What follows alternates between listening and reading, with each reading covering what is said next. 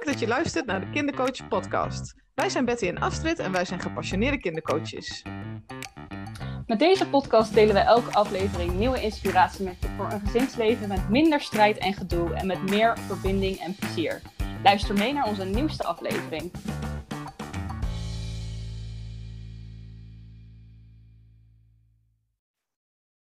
Hey, wat leuk dat je weer luistert naar een nieuwe aflevering van de Kindercoach podcast. Uh, normaal gesproken dan uh, hoor je Astrid en, uh, en mij samen. Maar wegens omstandigheden is Astrid er deze keer niet bij. En zul je het vandaag alleen met mij moeten doen. en vandaag wil ik het graag met je gaan hebben over de kracht van onze gedachten. En dit onderwerp hebben we gekozen omdat het eigenlijk in elk coachingstraject terugkomt. Als wij met kinderen werken en ook als we met ouders werken, kijken we altijd samen naar de gedachten die bij een onderwerp spelen en ook wat het effect daarvan is. En nou ja, omdat wij uh, daar zoveel mee werken, nemen we jullie graag mee in deze aflevering om daar eens wat meer over te vertellen. Nou, de kracht van gedachten is ontzettend groot. Uh, we zijn ons daar niet altijd van bewust, maar we hebben op een dag ongeveer 60.000 gedachten. En de meeste van die gedachten zijn ongeveer hetzelfde als de dag ervoor.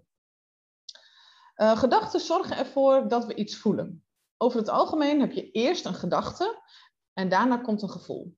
Nou, bij kinderen gebruik ik vaak uh, het voorbeeld van een hond om dit uit te leggen.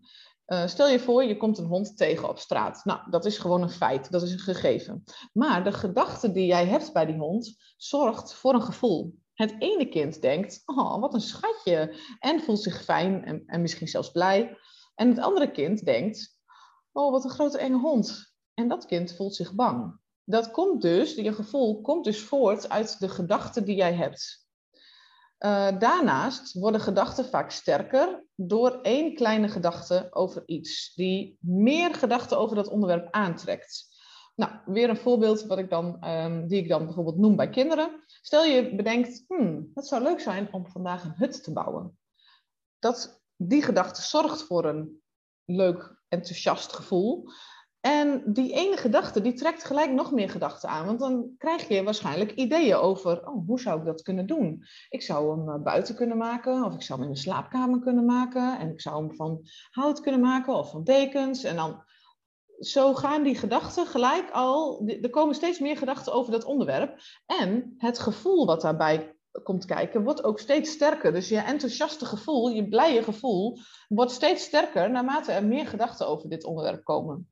Nou, andersom werkt dat natuurlijk ook zo. Als je aan één heel klein vervelend ding denkt, uh, dan is het, kan het maar zo dat je gedachten dan heel snel gaan en dat er heel snel nog meer gedachten komen over een onderwerp dat je niet fijn vindt. En wordt het gevoel wat daarbij hoort, een vervelend gevoel, een verdrietig gevoel, een boos gevoel, gefrustreerd gevoel, dat kan dan heel snel heel sterk worden. Nou ja, hoe meer van die gedachten je hebt, uh, hoe sterker dat gevoel natuurlijk dan wordt. En hoe moeilijker het ook is om die stroom te doorbreken. Nou, ik denk dat wij dat allemaal wel herkennen. Wij hebben allemaal van die momenten dat je dan, hè, dat die gedachten maar blijven komen en je voelt je rot en het is moeilijk om eruit te stappen. Daar kom ik straks nog even op terug.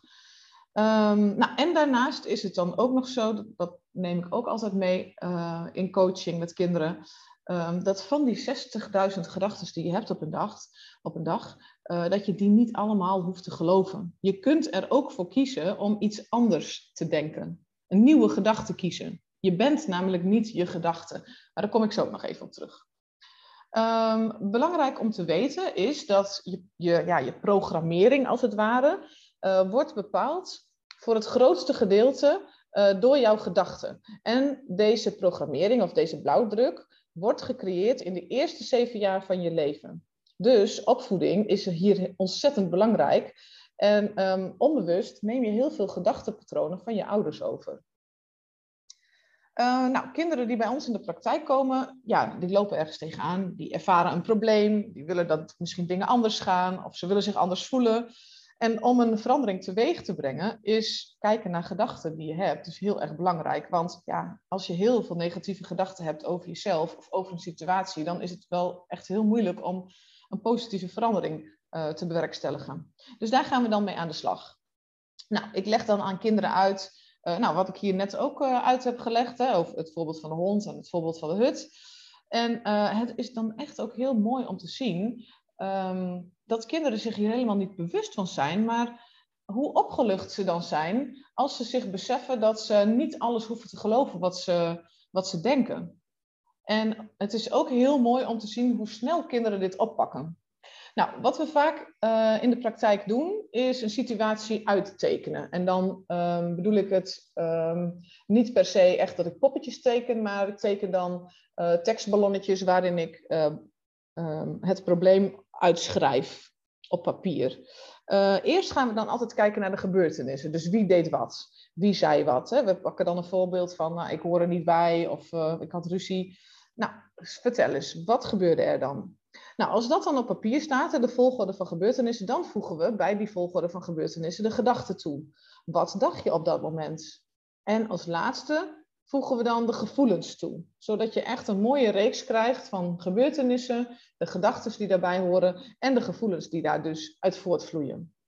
Um, als je dat dan heel inzichtelijk op papier hebt, dat is voor kinderen vaak al heel erg mooi om te zien van hé, hey, ik dacht toen dit en ik voelde me zo. Er gebeurde eigenlijk niks bijzonders, hè, bijvoorbeeld. Of het, is, het, het was een neutrale situatie. Mijn gedachte was negatief en mijn gevoel werd ook negatief, bijvoorbeeld. Nou ja, dat geeft dan soms zo, zoveel inzicht dat Um, dat kinderen ook gelijk al wel kunnen zien wat ze de volgende keer anders zouden kunnen doen. En soms is dat ook uh, niet zo. En ja, we daar, nemen we daar gewoon echt de tijd voor om dat goed te gaan ontdekken. En soms is één zo'n inzichtelijke tekening genoeg en soms niet. Dan gaan we er de volgende sessie weer mee verder. Maar het is echt een hele mooie inzichtelijke manier om ja, duidelijk te krijgen uh, die drie G's, in dit geval gebeurtenissen, uh, gedachten en gevoelens. En dan is het natuurlijk oefenen met bijvoorbeeld nieuwe gedachten kiezen en zelfvertrouwen opbouwen. En als je zelfvertrouwen op wilt bouwen, horen daar positieve gedachten bij. Want als je negatief over jezelf denkt, ja, dan is het zelfvertrouwen natuurlijk ook ver te zoeken. Uh, nou, ik heb een aantal uh, mooie tips voor jezelf of voor je kind om met die gedachten om te gaan. En uh, nou, deze dingen um, neem ik ook mee, vaak mee in, uh, in een coachingstraject. Het is natuurlijk net hè, wat bij het kind past, wat van belang is. Maar dit zijn een aantal voorbeelden die ik dan uh, gebruik. Nou, um, als eerste, het is belangrijk om te weten dat als je verandering op een bepaald gebied wil in je leven, dat er een aantal stappen zijn die je, um, die je gaat doorlopen. En de eerste stap, en die maken we vaak dan bijvoorbeeld al met zo'n tekening, is bewustwording. Je bewust worden van bepaalde gedachten of gedachtenpatronen die jou niet verder helpen. Nou, vervolgens kun je dan, als dat lukt, gaan onderzoeken waar dat vandaan komt. komt dit uit je opvoeding of uh, komt dit vanuit de, je omgeving, je, um, de maatschappij bijvoorbeeld? Hè? Aannames die we doen over zo hoort het. Um, en op zich is het altijd fijn om te weten uh, waar het patroon vandaan komt, want dan kun je het begrijpen. Soms lukt dat niet, want dan weet je het gewoon niet. Uh, maar het is fijn dat als het wel kan, dat je snapt waar het vandaan kan, komt. En de derde stap is dat je dit patroon gaat loslaten. Dus dat je gaat zien, hey, het helpt mij niet. Ik snap waar het vandaan komt en ik ga nu ervoor kiezen om dit los te laten. En vervolgens, als laatste stap, kies je een nieuwe gedachte die jou wel helpt.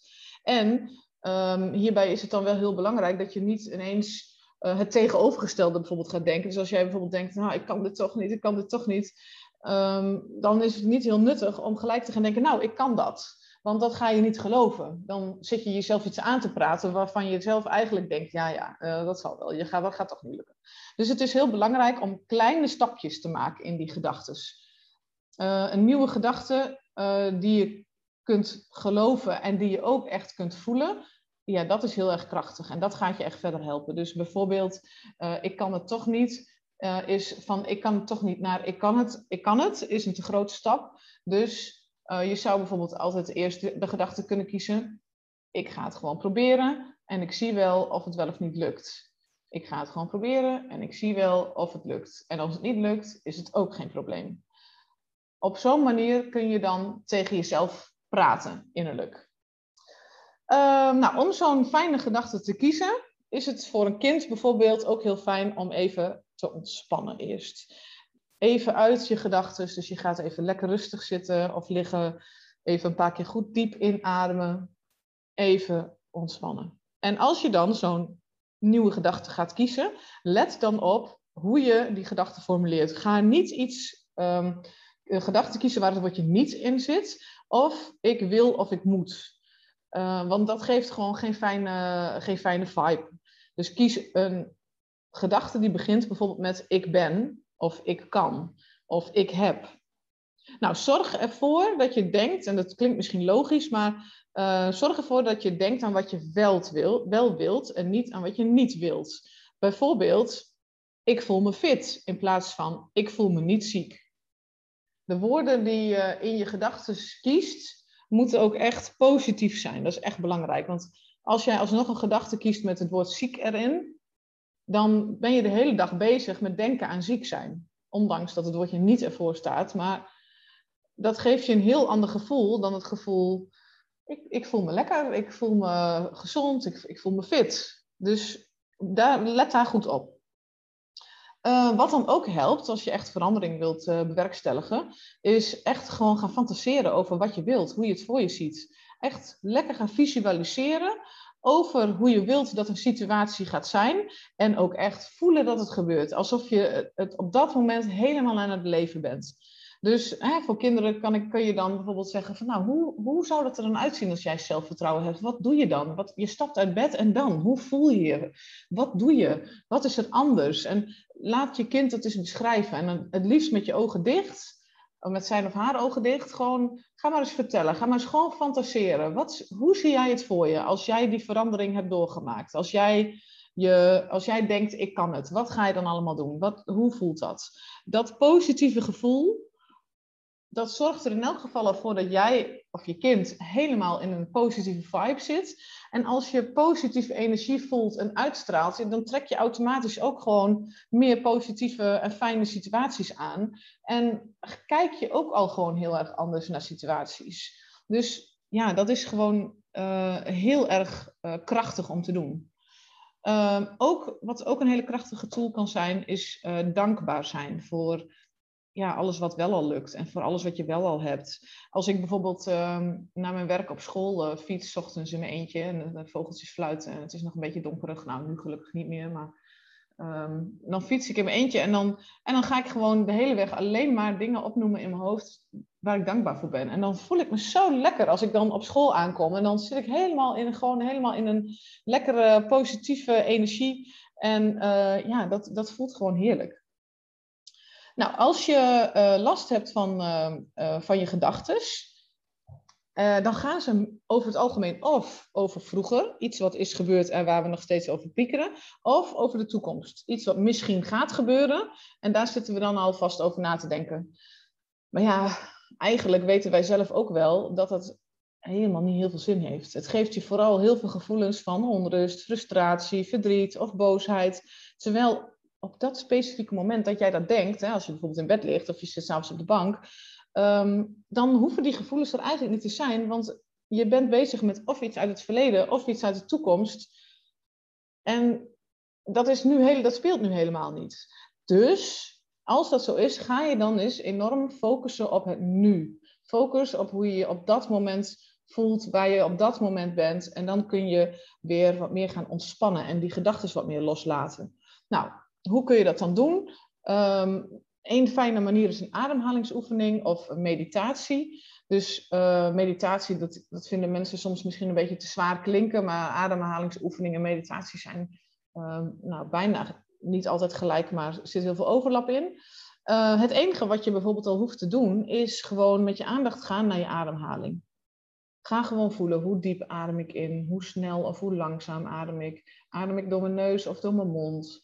Tot hoe ver komt mijn ademhaling? Adem, adem ik in mijn borst of adem ik naar mijn buik? En je hoeft nog niet eens iets te veranderen, maar alleen maar je bewustzijn zijn van oké, nu adem ik in. En mijn adem is helemaal in mijn buik. Nu adem ik weer uit. En mijn adem gaat door mijn longen weer naar buiten, door mijn neus of door mijn mond. En dan kun je, als je dat een paar keer hebt gedaan, kun je ook bijvoorbeeld gaan zorgen van ik ga mijn ademhaling rustiger maken, ik ga mijn ademhaling dieper maken. En zo ontspant je lijf gelijk al. Als je een paar keer diep, rustig en diep in en uitademt, dan gaat je lichaam al wat sneller uit de stressstand en in de ontspanningsstand.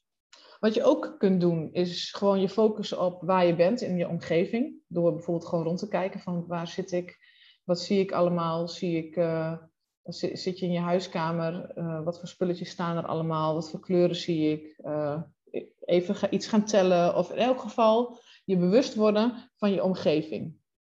Dat kun je ook doen door te luisteren. Dus om je te gaan focussen op de geluiden om je heen. Welke geluiden hoor je dichtbij? Welke geluiden hoor je, hoor je ver weg? Hoor je dieren? Hoor je kinderen? Hoor je andere mensen? Hoor je de verwarming? Zodat je even uit die gedachtenstroom komt en je focust op het hier en nu. En wat ook een fijne is, en dat is vaak heel moeilijk, omdat je dan zo in die gedachtenstroom zit en het voelt dan allemaal heel zwaar en hoe, maar de kunst is dan toch om iets te gaan doen waarvan je ergens weet, oké, als ik dat ga doen, uh, voel ik me beter. En vaak op een of andere manier vinden we het heel moeilijk om die stap te maken. Maar als je het eenmaal doet, ja, heeft het alleen maar positief effect. En um, ga dan iets doen waar je de aandacht bij hebt. Een paar voorbeelden. Ga tekenen. Ga schrijven. Ga kleuren. Ga zingen. Dansen. Uh, yoga video op uh, YouTube. Uh, meditatie. Ga iets koken of ga iets bakken. schilderen. Muziek maken. Allemaal dingen waar je de aandacht gewoon bij hebt. Zodat je niet je hoeft te focussen op al die gedachten in je hoofd. En um, ja, eigenlijk weten wij ook dan vaak wel dat het beter is om dat te gaan doen. En blijven we toch soms op die bank zitten. Um, dus ja, en dat is ook helemaal prima. Maar geef jezelf eens een applausje als het, als het gelukt is. um, nou, dan ga ik nog even naar uh, een andere oefening die ik ook met kinderen doe. Uh, de gedachtenladder. En dan stel je een, een, een, getekende ladder voor met van die uh, tredes en uh, onderaan, op de onderste sport van de ladder, staat een gedachte die je niet fijn vindt.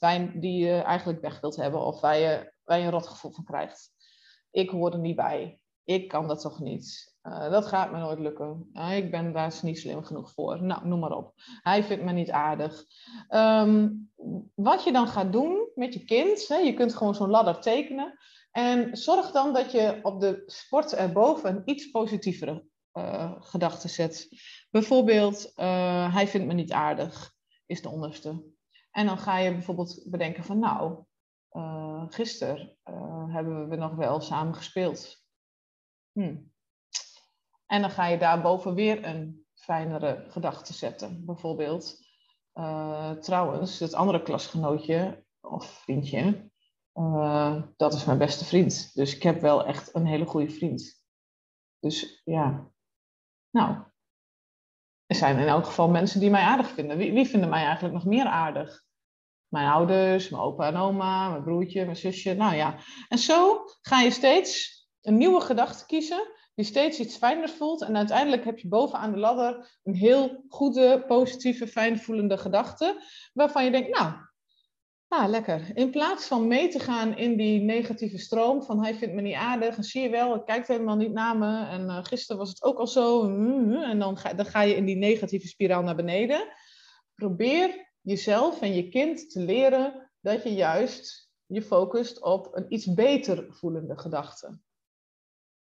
En um, nou ja, wat ik dan ook merk, en dat, is, uh, dat vind ik echt altijd heel bijzonder om te merken als ik kinderen coach, Um, dat ze zich ineens dan, als ik dit met ze doe, dat ze ineens daar ook super bewust van raken, van, van die gedachten. En dat ze ook heel snel dus zien dat ze zich eigenlijk heel veel zorgen maken, terwijl dat helemaal niet nodig is. En uh, ze zien dan dat ze zelf met die gedachten aan de haal gaan.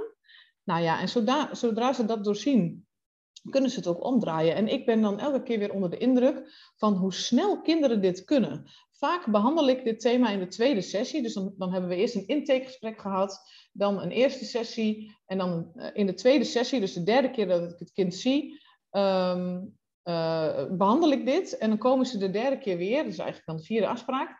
En dan, nou, ik heb dat al een aantal keren gehad, dat ze dan binnenkomen en zeggen, ja, nou, het gaat eigenlijk helemaal prima. Ik heb er geen last meer van. Ik voel me goed.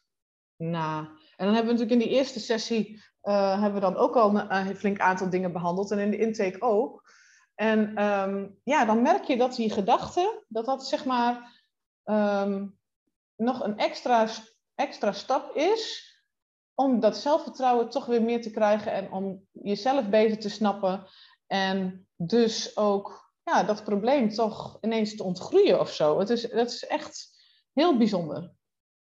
Ehm, en dan heb ik natuurlijk ook nog een boekentip voor je. Um, het, wat een heel mooi boek is over gedachtekracht is Tijger, Tijger is het waar van Byron Katie. Uh, dat gaat over of je uh, gedachten wel waar zijn. Hè? En ik zei in het begin van de podcast ook al van niet alles wat je denkt klopt. Je hoeft niet alles te geloven. En daar gaat dit boek ook over. Uh, klopt het wel wat je denkt? Is het wel echt waar? En uh, als het niet zo is, wat kun je dan doen? Wat, want hoe voelt het dan? Als, het, als je eigenlijk aan iets denkt wat eigenlijk helemaal niet klopt, dat voelt, dat niet fijn. Um, wat kun je dan doen om je beter te voelen? Dus als jouw kind worstelt met negatieve gedachten, ga dan dit boek eens lezen. Ik heb op mijn Instagram-pagina, uh, kindercoach.bijbetty, uh, heb ik ook een voorleesvideo van, deze, uh, van dit boek. Dus dan kun je, die kun je altijd even luisteren en kijken of, of je het een geschikt boek vindt. Het is een beetje een soort prentenboek, maar ook voor oudere kinderen is het nog steeds een, uh, echt een mooi boek om, om eens samen te lezen. Um, nou, ik hoop dat je weer ehm, inspiratie hebt gekregen door, uh, door deze podcast. En dat, je, dat je er misschien ook wel weer iets van hebt geleerd. Dat je misschien iets hebt aan de tips die ik heb genoemd. Um, dus als je ziet dat je kind worstelt met zelfvertrouwen of met die negatieve gedachten, dan probeer dan eens wat van deze oefeningen. En nou ja, wil je meer weten, ja, dan kun je altijd contact uh, opnemen met, met Astrid of met mij. straks hoor je nog wel even hoe je dat kunt doen. En nou, mocht je wat gehad hebben aan deze podcast, laat het dan ook vooral even weten. Dat vinden we ook altijd heel leuk. En uh, dan wens ik je voor nu een hele fijne dag of uh, avond, als je dit in de avond luistert. En uh, tot de volgende keer. Oké, okay, doei! Super bedankt voor het luisteren. Wil je nou meer weten over ons? Ga dan naar bijbetty.nl of kindercoaching-buiten.nl. Of zoek ons op op Instagram of Facebook. Als je een onderwerp hebt waar je graag meer over wilt weten, stuur ons dan even een berichtje. Tot de volgende aflevering.